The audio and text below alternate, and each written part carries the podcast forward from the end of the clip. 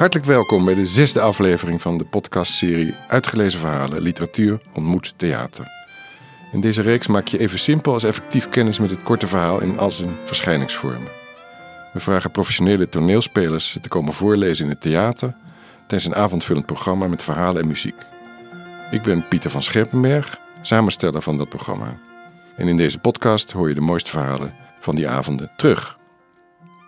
Na onze veelbeluisterde kerstverhalen-editie vieren vandaag het jubileum van een schrijver. Dit jaar is het 25 jaar geleden dat Manon Uphoff debuteerde met het verhaal Poep. Ze is naar de studio gekomen en we spreken haar straks. Sommigen beschouwen Poep als het beste Nederlandse korte verhaal ooit. Bijvoorbeeld Ronald Gippard heeft dat een keer geroepen. Zo'n kwalificatie vind ik altijd moeilijk, want hoe vergelijk je al die appels en peren? Toch behoort Uphoffs debuutverhaal ook voor mij bij de beste. Naast bijvoorbeeld De jongen met het mes van Remco Kamper, dat we ooit ook hebben laten voorlezen. De opname die je zo gaat horen dateert van enige tijd geleden. In april 2015 las Carla Hardy het voor. We lieten toen in het kader van het Bordewijkjaar drie verhalen van Bordewijk contrasteren met drie modernere verhalen in het thema stadsleven. Waaronder ook een van Sanneke van Hassel, die eveneens een goed beoefenaar is van het genre korte verhaal of zoals de Vlamingen het noemen, kort verhaal, als één woord. Sanneke is overigens een Rotterdamse, geen Vlaamse, voor alle duidelijkheid. Actrice Carla Hardy debuteerde in 1983 in de film Menuet, naar het boek van Louis Paul Boon. Later speelde ze rollen in films als Gebroken Spiegels en Bel van Zuilen.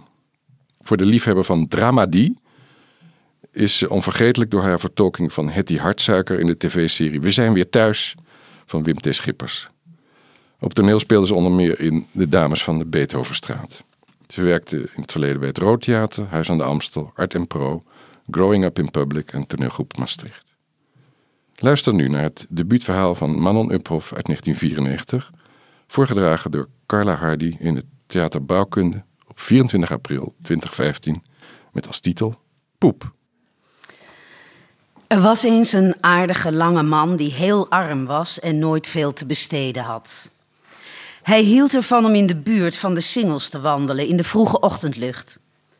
Het licht in de huizen brandde dan waterig geel en het water in de singels was nog glad en strak. Het zachte geluid van bladeren en steentjes onder zijn schoenen maakte dat hij zich bijna tevreden voelde. Alsof hij voor een moment de eigenaar was van het water, de singels en de huizen. Dat hij arm was, stak hem echter, maar veel kon hij daar niet aan veranderen. Op een dag liep de aardige, lange man opnieuw over de singel. Helemaal aan het eind gekomen, daar waar de singel een scherpe bocht maakte en in zichzelf terugkeerde, en waar een aantal met mossig groen overdekte oude bomen stond, hield hij stil om zich te bukken en steentjes te rapen. Die wierp hij zo vlak mogelijk over het water, keek ze na tot ze onder het water verdwenen en het wateroppervlak weer strak en onaangedaan achterlieten. Hij zoog de kalmte van het water op en zuchtte diep. Wat later nam hij plaats op een houten bankje een eindje verderop. Dit bankje stond links voor een schitterend wit huis. Een huis met een statige entree, met hoge gebrandschilderde ramen en kleurig geel zijde achter het glas. Een huis met een lieflijke tuin. Zo'n tuin die in een zomers Engeland of Frankrijk past, maar hier altijd een beetje een deftige en uitdagende toon aanslaat. Zo'n huis, dacht de man die maar zo weinig geld te besteden had. In zo'n huis met zo'n tuin zou ik eigenlijk moeten wonen. Zo'n huis zou ik kunnen geven wat het nodig heeft. Waarom is dat huis het mijne niet? Bijna werd hij er treurig en opstandig van. Maar hij vermande zich en keek weer naar het water en de bladeren die goud en geel en rood aan de walkant lagen. Juist op dat moment ging de deur van het schitterende huis open en kwam er een dame met twee grote honden naar buiten. De honden trokken vrolijk aan de lijnen en sleepten de vrouw in hun onstuimigheid achter zich aan. Poeh, zei de dame even later. Ze had de honden losgemaakt. Het waren twee grote, uitstekend verzorgde Deense doggen. Hun korte vachten glansden en hun roze, rode tongen slingerden opgewekt langs hun brede kaken. Ze dansten door de bladenmassa's heen en zaten elkaar juichend achterna. Ze zijn sterk hoor, sprak de dame. Ik hou ze soms bijna niet tegen. Ze hijgde terwijl ze dit zei en ging naast de arme man op het bankje zitten.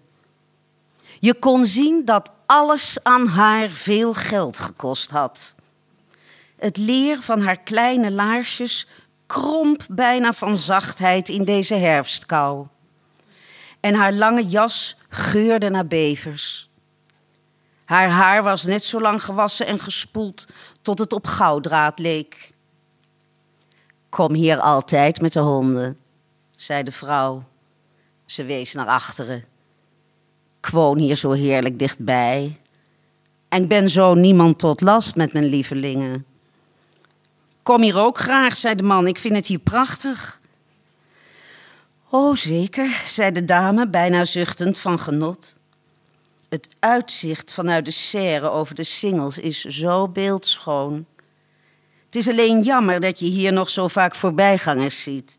Ik bedoel, mensen die hier niet werkelijk iets te zoeken hebben, die niet in staat zijn van schoonheid te genieten.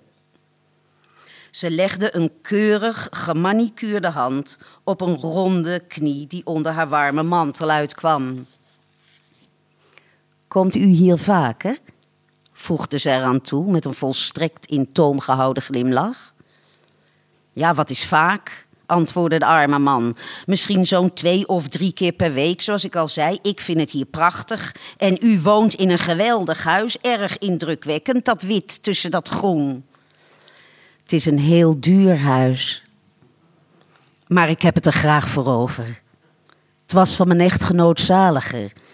Oh, je woont er zo heerlijk. Zo heerlijk rustig. Alles wordt gemakkelijk in zo'n woning. Woont u mooi? Nou, ik heb een kamer in het centrum. Het is klein, maar ik kan er leven. Ja, zo'n huis betekent veel in een leven, hoor. Het maakt een hoop ellende goed. De arme man kon zich niet langer beheersen. Ja, u heeft volledig gelijk, riep hij. Hoe gelijk? Wat ik er niet voor over zou hebben om in zo'n huis als het uwe te wonen. Dat kan ik niet in woorden uitdrukken. Terwijl hij dit zei, sprongen de Deense doggen met een jolig enthousiasme de singel in. Een paar minuten later kropen ze uitgelaten blaffend de kant op. Met hun natte neuzen woelden ze de bladermassa's omhoog. Toen, als op afspraak, hielden ze stil en zakten naast elkaar door hun achterpoten om in de natte berm, met een uitdrukking alsof ze aan het bidden waren, twee enorme hopen poep te draaien.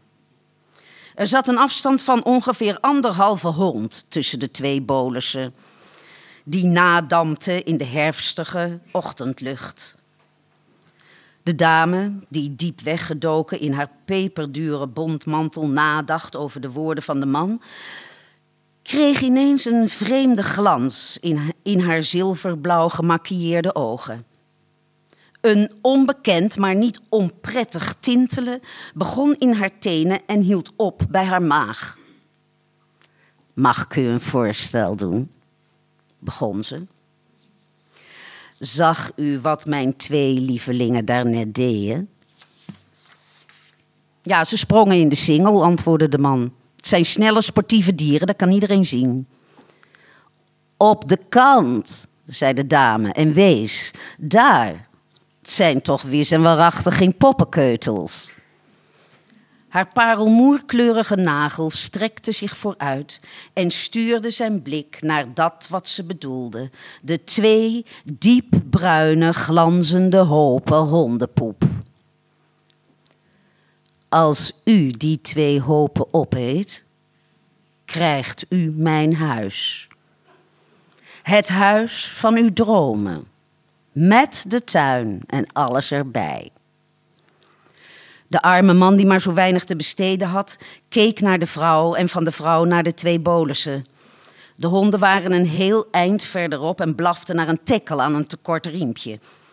Het was een ochtend met een zuiverheid die hem bijna pijn deed. En dan zo'n onzinnig voorstel van iemand die zich om en om wentelde in haar eigen rijkdom. U eet beide hopen op, helemaal, zonder ook maar iets uit te spugen. En dan geef ik u de sleutel van mijn woning. De dame grabbelde in haar leren tasje en haalde daaruit een sleutelbos. Ze nam er de grootste sleutel van en hield die de man voor zijn neus. Alle twee, zei de man, rustig. Helemaal. En ik mag niks uitspugen. En als ik dat doe, dan geeft u mij die sleutel. Ja, spreekt voor zich, zei de vrouw. Ze liet de sleutel weer in haar tas glijden en keek tevreden uit over het gladde wateroppervlak van de singel. De arme man strekte zijn stijve benen en rekte zich wat uit. Vervolgens nam hij een diepe teug frisse lucht en stevende toen af op de twee enorme drollen, die hem bijna spottend toeriepen: Eet ons, eet ons. Verdomd, ik doe het, dacht de man. Ik vreet ze allebei op, die rotdrollen. In twee passen was hij op de plek waar het te gebeuren stond.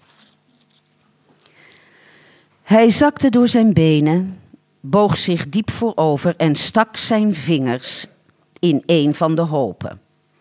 Snel en zonder na te denken begon hij te eten, de ene hap na de andere. Op het bankje staarde de vrouw in een mengeling van afschuw en stomme verbazing naar de voorovergebogen man die schokkend en slokkend de stinkende maaltijd nuttigde. De doggen slopen wat verbaasd naderbij. Ze zag het schokken van zijn schouders en hoorde hem na een derde hap heftig kokhalzen. De dingen die mensen proberen, dacht ze. Met de rustige kalmte der rijken. Als ik dit vanavond aan Lidie, Cecile en Margaret vertel. Ze zullen niet geloven wat er hier buiten rondloopt in de wijken van de stad. Ze was zo druk met haar eigen gedachten dat ze niet zag hoe de man bezig was zich de tweede helft van de eerste bolus toe te dienen.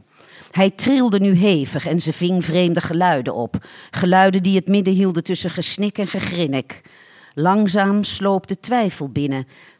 En hoewel haar ongeloof met elke hap toenam, drong met dit ongeloof ook een waarheid tot haar door. Een waarheid die bijna te verschrikkelijk was om over na te denken. Hij was bijna aan het einde van zijn eerste drol. Nog maar één, en dan zou ze haar prachtige woning moeten overdragen aan deze idioot. De arme man die maar zo weinig te besteden had, werd overmand door een gevoel dat hij al jaren en jaren achter elkaar poep at. Het leven had voor hem nog maar één kleur, diep bruin. En nog maar één smaak, die van hondenstront. Hij durfde niet over een volgende hap na te denken en al helemaal niet naast zich te kijken, waar nog zo'n verschrikkelijke berg op hem lag te wachten. Hij kon het niet. Hij kon het niet. Het zweet liep hem tappelings langs de rug. Vooruit, schreeuwde hij zichzelf geluidloos toe. Nog één drol, nog één. En je mag jezelf de eigenaar noemen van een van de prachtigste huizen van deze stad. Maar hij kon het niet. Zijn maag, slokdarm en darmstelsel hadden het heft in handen genomen en eenzelfde beslissing genomen. Afgelopen was het. Hij kon niet meer. Uitgeput en in vijf minuten oud en bitter geworden, richtte hij zich op. Hij wierp de dame, die met haar hand voor haar mond op het bankje was blijven zitten, een blik toe, die zij als triomfantelijk vertaalde, maar die er in werkelijkheid een was van diepe vermoeidheid. Stop! Riep ze uit. Stop! Ze rende naar hem toe en ging voor de tweede, nog onaangetaste hoop staan, alsof ze die wilde beschermen. Wacht, in godsnaam, wacht!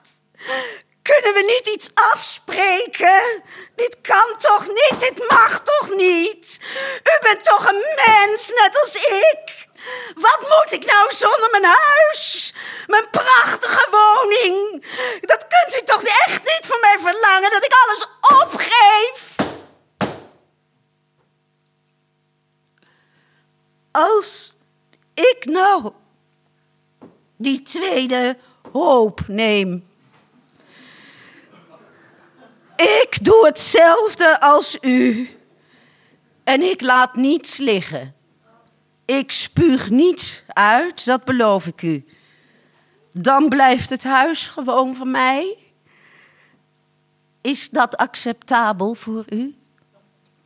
De arme man had moeite de strekking van haar woorden te bevatten. Zo hard gonsde het in zijn hoofd. De poep oefende een verschrikkelijke terreur uit op zijn smaakpapillen. Hij knikte echter, omdat hij begreep dat ze hem iets gevraagd had en wat ze ook van hem vroeg. Erger dan dit kon het onmogelijk zijn. Met een bijna meisjesachtig optimisme knoopte de dame haar bondmantel los en vouwde hem naar achter. Kom aan, sprak ze zichzelf toe. Op haar knieën in de natte bladeren boog ook zij zich nu voorover en begon te eten, in grote haast, bang dat de man zich alsnog zou bedenken. De twee doggen draaiden aarzelend om haar heen, niet helemaal zeker van hunzelf. Beiden gaven een kort schril blafje ten beste. De vrouw zag en hoorde niks meer. Met alle kracht die haar persoonlijkheid in zich borg, probeerde zij zich gebraden kip, gesuikerde amandelen en toffees voor te stellen. Maar de smaak van de drol was krachtiger dan haar krachtigste verbeelding. Ook haar schouders begonnen te trillen. Zo'n smerige stank, dacht ze nog wel, en zo'n afschuwelijke smaak. De angst om haar huis te verliezen was echter groter dan haar afschuw. En sneller at ze, sneller en sneller, tot er geen kruimeltje meer over was. Eenzelfde vermoeidheid als die welke de man had getroffen kwam nu over haar. En ze leunde achterover in het gras. Het huis leek haar nu kleiner, veel kleiner en onbeduidender dan het ooit geweest was. De man naast haar wilde ze niet aankijken. Na een paar minuten stond ze op, hoestte en klopte haar mantel uit. Aaron, riep ze. Atlas! De twee grote, goed verzorgde doggen renden terug naar hun bazin en besnuffelden haar met tederheid. Af! riep de vrouw. Haar stem was hoog en schel geworden. Ze knoopte de leren riemen weer vast aan hun halsbanden en trok de beide honden krachtig met zich mee. Zonder om te kijken rende ze over de natte bladeren omhoog, het pad over haar lieflijke tuin in. De deur draaide ze tweemaal in het slot. Binnen, in de warmte van haar Engels ingerichte kamer, zat de vrouw op haar zachte sofa. Voor haar op de notenhouten tafel stond een stevig glas cognac. Haar voeten waren veilig opgeborgen in dikke, wollige pantoffels. Toch rilde de vrouw. En het rillen werd sterker en sterker, totdat ze het glas cognac dat ze juist had opgepakt om er een slok uit te nemen, weer terug moest zetten op tafel. Waarom heb ik poep gegeten? dacht ze, terwijl de cognac goud glansde in het glas. Buiten stond de man op. Hij staarde lang naar de plek waar de twee bolussen hadden gelegen, en van die plek af wierp hij een blik op het huis. De singel boog zich kalm en glad door de stad. Een eindje verderop stonden de oude bomen groen en onaangedaan. Hij hoorde hoe de steentjes onder zijn zolen wegschoten. Het was erg stil in dit stadsdeel, maar de man hield de handen tegen zijn oren om zichzelf te beschermen tegen het lawaai dat van binnenuit kwam. Waarom in godsnaam heb ik poep gegeten? dreunde het tegen zijn trommelvliezen. Waarom heb ik poep gegeten?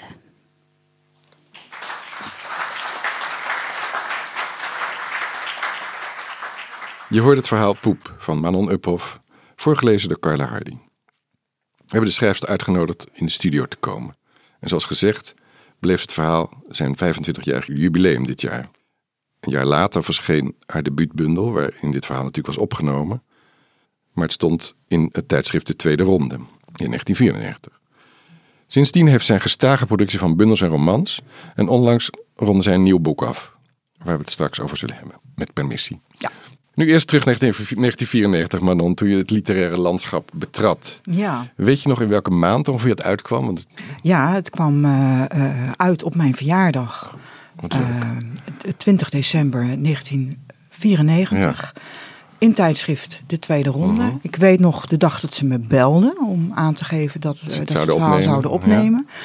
Een van de leukste dagen in mijn leven. ja, me voorstellen. Ja, en ik, ik heb daarna ook heel vaak bij lezingen was mensen naar vragen gezegd. Dus eigenlijk het moment eh, dat je als schrijver je realiseert dat je echt bent. Het dat, bent. Je, dat je het bent. En dat is dat, is dat moment. Het Ja. is niet het moment van eh, publicatie van een, eh, van een debuutbundel. Hoe leuk dat ook, dat ook was. Dat was dat moment Mhm. dat andere mensen mij belden en zeiden... eh, ja, het een vreselijk smerig verhaal. Het was Ike Cialona van de tweede ronde die mij belde. En de helft van de redactie die zei... Nee, nee, nee, we willen het niet plaatsen. Het is veel te smerig.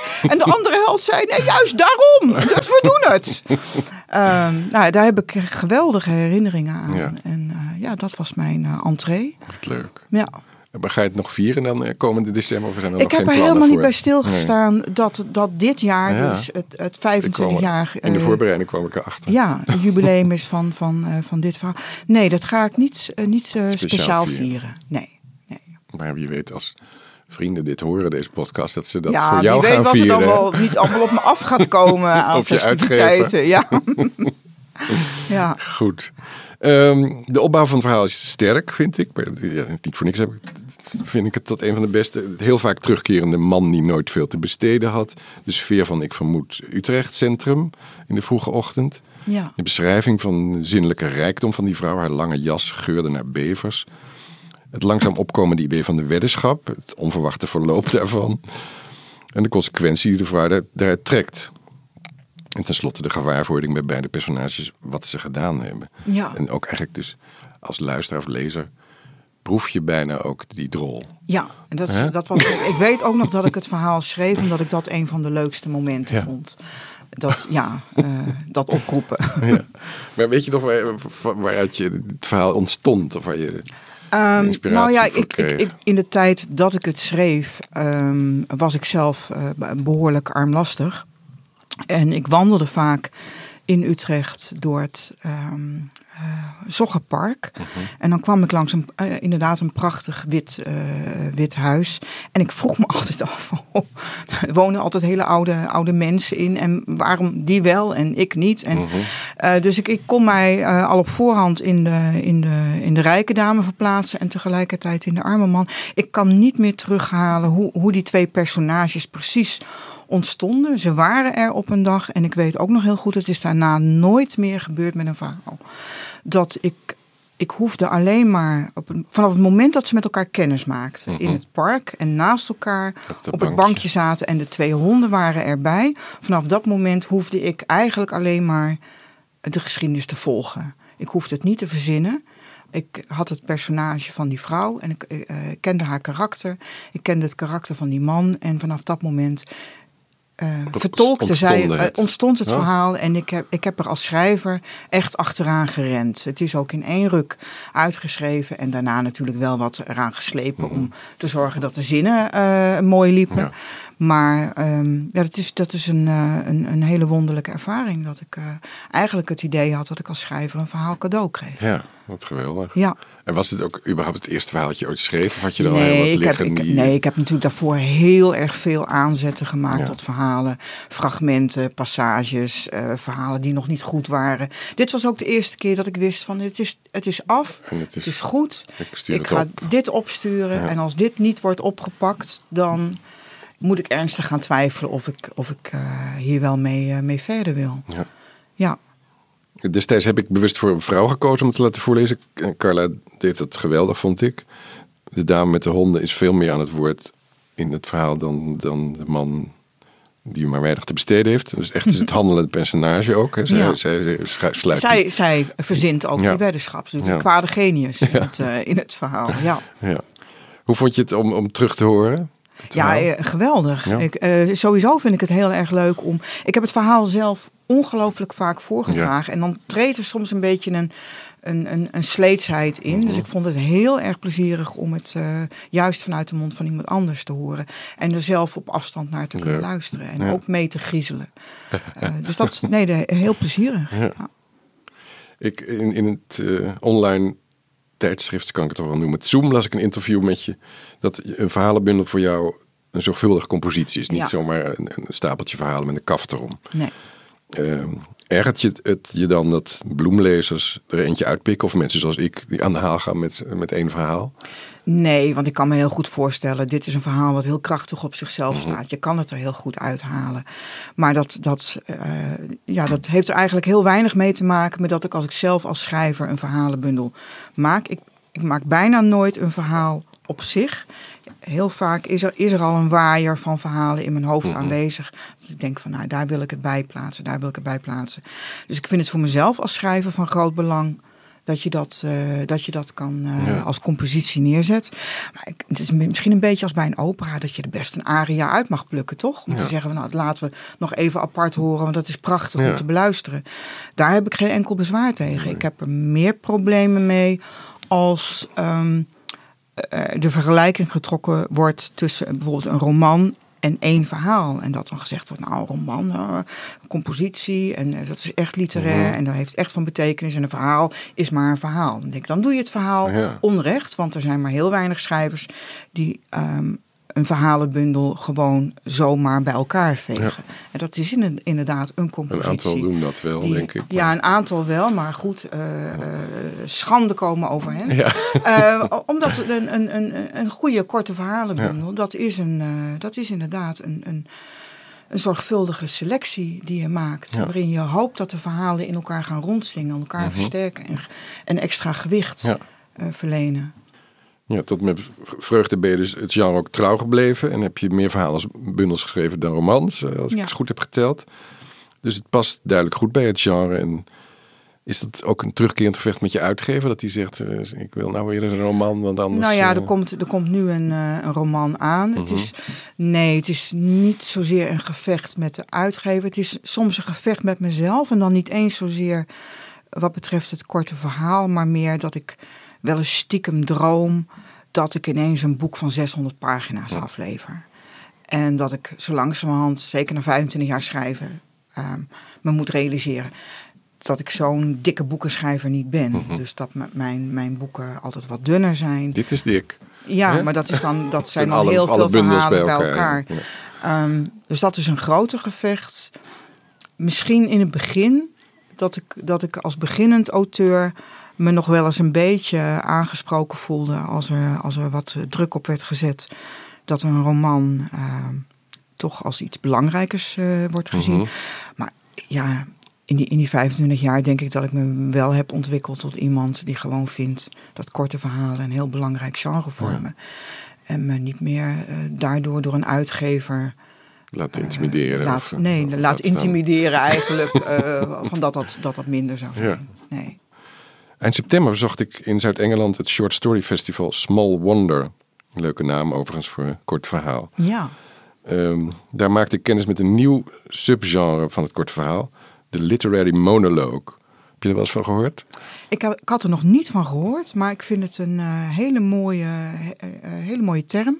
En ik denk ook dat ik er zelf heel veel van maak. Ja, dat denk ik ook. Ja. En dat is ook het leuke. Ik, ik doe het dat ook vaak als ik eenmaal iets afgerond heb, dat ik het zelf ook helemaal hardop lees. En kijk, zit het, zit het juiste ritme Ja. en, de, en de, nou ja, de juiste zwieper in, Ja. waardoor je het gevoel hebt dit is één stem. Dit is de stem van één persoon die dit vertelt. Dus ik dat, vind het eh, een heel mooie, hele mooie term. moeten we nog een Nederlands equivalent voor. Ja, Zou dat zo literaire ook op monoloog. een, eh, op een bundel kunnen plakken? Van, eh, literary monologues of literary monologue. Ja, kan misschien. het ook in het Nederlands, literaire monoloog. Kan ook, Ja. maar ach ja. ja. Ehm, ja, dus dat, dat kenmerkt het. Het is in de ik-vorm geschreven, maar speciaal ook voor het opvoeden of voorlezen eh, Ja. gemaakt. Dat je daar rekening mee houdt als schrijver. Ehm, de schrijfster E.L. Kennedy op dat, op dat eh, festival, die voerde er zelf een op. Een eigen geschreven verhaal. Ze had- ze heeft ook een theaterverleden. Ja.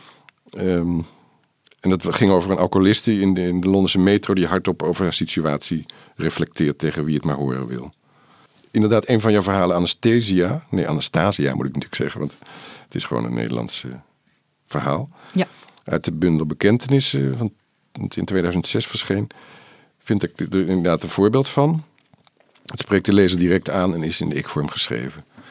Op 19 februari tijdens onze voorstelling eh, wil ik het graag laten voorlezen. Wil je, wil je daar toestemming voor geven? Ja, met heel veel plezier. Ja, wat leuk. Ja. Het staat overigens ook in, eh, in de bundel Schaduwvlammen, alle verhalen tot vandaag. Daar is de hele bundel bekentenissen in opgenomen. Mhm. Maar bijvoorbeeld ook het verhaal Narcis, eh, wat hierin staat, is ook zo'n literaire monoloog. En Mhm. het boek wat er aankomt, eh, is eigenlijk ook een literaire Ja. monoloog. Dus ja, Een hele roman. je hebt me misschien vandaag wel, wel inzicht gegeven in de, meest door mij beoefende vorm. Wat goed. Ja, Nou ja, dus het- is een roman die je hebt al ingeleverd onlangs. ja. Eh, kan je, daar- wil je daar iets over zeggen of is dat te vroeg? Ehm, ja, vind ik heel lastig. Ehm, nou ja, ik, ik heb dus nu eh, eigenlijk al, al, al toegelicht dat het inderdaad een monoloog is, een literaire monoloog. Mhm. Ehm, dat, dat, die roman die is eigenlijk 2000, eind 2015 aangefonkt. Ik was met iets heel anders bezig, maar die is aangefonkt door een, ehm, een droevige gebeurtenis. Ik weet niet of het een hele vrolijke podcast moet worden, want nu gaan we dan even het, Ja, het, het, het, sombere, het sombere hoekje in. Door een hele droevige gebeurtenis, de, de onverwachte en, en eh, ja, ook wel, wel onthutsende eh, dood van eh, een van mijn eh, oudere zussen. Mhm. En ehm, die gebeurtenis die, die zwiepte eigenlijk al het andere werk waar ik mee bezig was opzij. Want er moest nu hier aandacht naartoe. Het trok een hele, hele geschiedenis omhoog.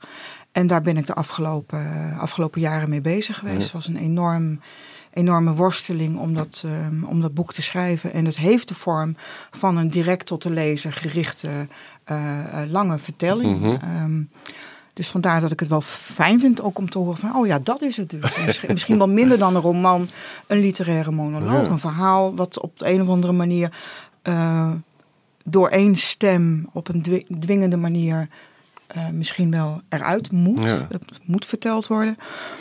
Ehm, En, ja, dat is wat ik, wat ik erover kan zeggen. De titel is Vallen is als vliegen. Mhm. En, en is de ik-figuur ook de overlevende zus? nee, de ik-figuur die, die valt eh, eh, denk ik heel erg met mij, eh, met mij samen. Mhm, dat wel, ja. Ja, ja. Nee, maar dan ben je dus, het is wel de, de zus die doorleeft en moet, Ja. met het verlies moet eh, leren leven. Ja, die eigenlijk kijkt van waar, waar is dit nu allemaal mee verbonden? Of wat heeft eh, deze, eh, eh, deze dood, de zus heet in het boek Hennevuur, is naar een kort verhaal van, eh, eh, ehm, ik weet niet, helemaal niet hoe ik zijn naam moet uitspreken, Isaac Bashe- Bashevis Singer. Ja, ik niet. Ehm, die heeft ooit een, een, een verhaal geschreven, Hennefire, ehm, waarin de woede van een vrouw een hele grote rol speelt. En dat sloot zo ontzettend mooi aan op wat zij gedaan heeft. Ehm, woede aanvonken en een wil om, om geschiedenis te ontrafelen. Mhm. Dat ik dacht, ik geef haar, ik geef haar die naam. Ehm, ja, en de- de- de- het, het, het gaat over het, het teruggaan naar haar begin. En de lijn van haar leven volgen. En alles wat daarmee samenhangt. Ja. Nou, op deze niet vrolijke noot. Helaas alweer het einde van eh, de podcast. Hartelijk dank, eh, Manon. ja, graag gedaan. Maar niet voordat ik je wijs op onze volgende editie in het theater. Dinsdag 19 februari hebben we een compleet nieuw programma tijdens de Week van het Korte Verhaal. Je hoort en ziet er vertolkingen van verhalen van onder andere Manon Uphoff, zoals je net hebt gehoord. We zijn op dit moment nog andere verhalen aan het selecteren, dus houd onze website, Instagram en Facebook in de gaten voor de andere auteurs die aan bod komen. De voorlezende acteurs zijn wel gelukkig geëngageerd. Als eerste is dat Hanna van Vliet, die je kunt kennen van de musicals De Tweeling en Fiddler on the Roof. En op tv van Anne Plus. Eh, ten tweede Hiemke de Vries, die een lange staat van dienst op toneel en als stemacteur heeft. En tenslotte Isis Cabolet, jong debuteerde in soapseries Het Glazen Huis en Onderweg naar Morgen, later gevolgd door tv-series Penosa en Van God Los. Singer-songwriter Lise Low neemt de muziek voor haar rekening. Een compleet vrouwelijke cast dus, voor het eerst. En waar kan je dat allemaal meemaken? In Theater Bouwkunde Deventer op 19 februari nogmaals. Kaarten bestel je via de website theaterbouwkunde.nl. Dan onze volgende podcast, die is er begin maart weer, waar we je in de teletijdmachine terugnemen naar de 19e eeuw. Je hoort twee of drie verhalen van Anton Pavlovich Tsjechov en we hebben Wouter van Oorschot te gast in onze studio. Hij is een groot kenner van het werk van de Russische meester, van het korte verhaal en van zijn toneelstukken. En natuurlijk was Van Oorschot tot vier jaar geleden directeur bij, van uitgeverij Van Oorschot, opgericht door zijn vader. Het is weer een editie om naar uit te kijken. Al zeg ik het zelf. Abonneer je in je favoriete podcast-app op uitgelezen verhalen en je krijgt vanzelf een seintje als er nieuwe afleveringen klaarstaan. Of zoek ons op in Spotify, dan wel Soundcloud. En als je dit allemaal veel te ingewikkeld vindt, de programma's zijn ook gewoon op onze website te beluisteren. Uitgelezenverhalen.nl en dan klik je op de sectie podcast. Daar staan ze gewoon allemaal onder elkaar. Heb je genoten van wat je net hoorde? Vertel het dan door aan anderen. En geef je oordeel in iTunes, dat helpt ook weer bij onze bekendheid. Wil je ons iets melden? Stuur een bericht naar info.uitgelezenverhalen.nl Deze aflevering is ondersteund door de Stichting Wesselings van Bremen, Prins Bernhard Cultuurfonds en de Deventer Cultuurclub. Aan deze aflevering werkte mee Manon Uphoff, Carla Hardy, Dirk-Jan van Ittersum voor de opname en montage. En de herkenningsmelodie is van Amir Swaap en Sietse van Gorkom. Ik ben Pieter van Scherpenberg en gidst je door deze zesde aflevering. Graag tot een volgende keer.